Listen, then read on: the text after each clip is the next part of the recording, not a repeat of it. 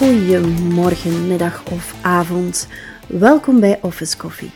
De podcast die je tijdens het wachten op je koffie dat extraatje energie en aha-momenten bezorgt. Ik geef je alle tips, tricks en hacks waardoor je jouw verlangen naar een vrijer leven waar kunt maken. Hoe we tijd kunnen bijtoveren zonder een 25ste uur in een dag te creëren. En welke tools en hacks je hiervoor kan inzetten. Mijn naam is Ilse van The Office Plan. Als online business manager help ik heel wat ondernemers die het gevecht aangaan met hun tijd, hun werk en hun leven, tot ze tot het besef komen dat dit gevecht helemaal niet nodig is. Ik weet dat niet alleen ondernemers deze struggle aangaan, maar dat het voor iedereen elke dag opnieuw een strijd is in de rat race van het leven. Als mama van vier ging ik op zoek naar wat voor mij de juiste balans bracht en ik kwam tot heel wat bevindingen. Wat ik vond is zo goed dat ik deze echt niet voor mezelf wilde houden. De boog kan niet altijd gespannen staan. Een oeroud gezegde, maar een waarheid als een koe. In aflevering 8 van deze podcast had ik het er al over dat pauze nemen heel belangrijk is om terug frisse ideeën te krijgen en ook je productiviteit te boosten. Hoe graag je je werk ook doet, soms moet je er gewoon eventjes tussenuit om je batterijen weer op te laden. En goed nieuws, want hoe beter je je pauze neemt, des te harder je er weer kan invliegen. Want efficiënte pauze nemen, dat loont.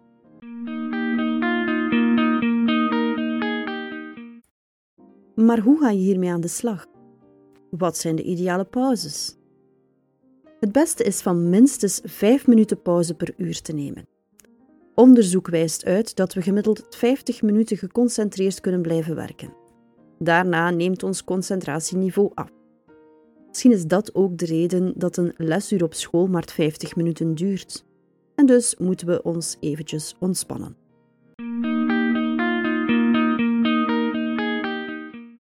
Neem minstens één pauze van 30 minuten op een werkdag. Als je langer dan 6 uur per dag werkt, dan is het meer dan aangewezen van minimum een half uur pauze te nemen. Straf er zelf, het is zelf bij wet verplicht om pauze te nemen voor een uur, waarvan je een half uur onafgebroken moet nemen.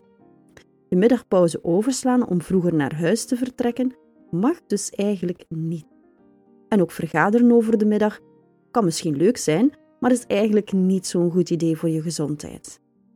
Maar wat doe je dan het best tijdens je pauze?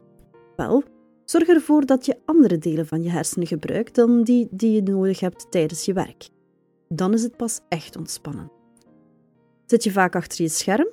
Ga dan zeker niet met je broodje op je smartphone gaan zitten scrollen of achter je computer nog eventjes Netflixen. Je overbelast dan net diezelfde delen van je hersenen als tijdens het werk zelf. En uiteraard zakt je energieniveau dan.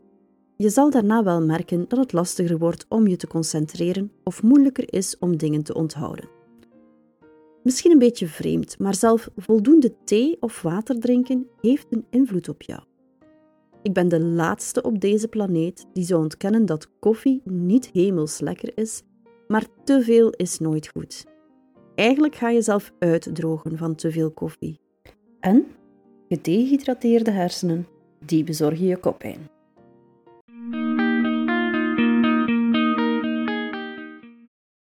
Acht uur stilzitten, dat is ook geen goed idee. We zijn daar niet voor gemaakt. Misschien kan je je bureau verhogen om even rechtop staan te werken, of als je thuis werkt, misschien kan je je computer af en toe eens op het keukenaanrecht zetten. Is het voor jou moeilijk? Maak dan gewoon een wandelingetje tijdens de middagpauze. Ondertussen gaat je bloed weer stromen en wordt je hoofd wakker geschud. Als het je niet lukt om buiten te gaan, zet dan ook even een raam open. Zo krijg je opnieuw frisse zuurstof binnen. Of een meditatieoefening en bewust ademen kan je ook een fris hoofd bezorgen. Heb je douche op het werk? Gebruik je lunch dan om te sporten. Zo voorkom je het slaperig gevoel na de middag en een portie cardio geeft je een boost aan je creativiteit en productiviteit. Bovendien doet ook een ander decor je goed om je focus terug te vinden eens je weer op kantoor bent. Sporten geeft je ook extra energie doordat er veel goed hormonen aangemaakt worden, En het is onmiddellijk ook iets wat je voor jezelf gedaan hebt. Pluspuntje voor jezelf is echt goud waard. Doe ook iets leuks. Gebruik je pauze om iets te doen wat je graag doet, zoals een boek lezen, naar muziek of een podcast luisteren, een spelletje spelen of gewoon rustig zitten en ontspannen.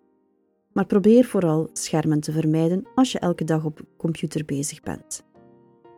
Als je iets leest, lees dan ook iets niet werkgerelateerd. Blader eens door een roddelboekje of kies je voor de papieren krant. Als je opnieuw aan het werk gaat, doe je dit met extra lading energie om opnieuw aan de slag te gaan. En, als laatste, bel een vriendin of je tante of je grootmoeder op. Enfin, iemand waarmee je het dus niet over het werk hoeft te hebben. De bedoeling is iemand blij te maken en met je gedachten ergens anders te zijn. Wedden dat je daarna weer met een glimlach achter je bureau zit. De tip voor deze week? Ga nadenken over je pauze en sta vooral open voor verandering.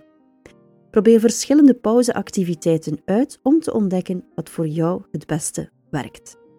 Veel plezier tijdens je pauze! Jij kijkt al uit naar de volgende tip? Abonneer je dan op deze podcast en laat een review achter in de app waarmee je luistert. Hoe meer reviews, hoe meer mensen deze podcast kunnen vinden. Wil je het nog even nalezen? Dat kan via de website www.theofficeplan.be/podcast. Volgende week is er een nieuwe aflevering. Heel graag tot dan!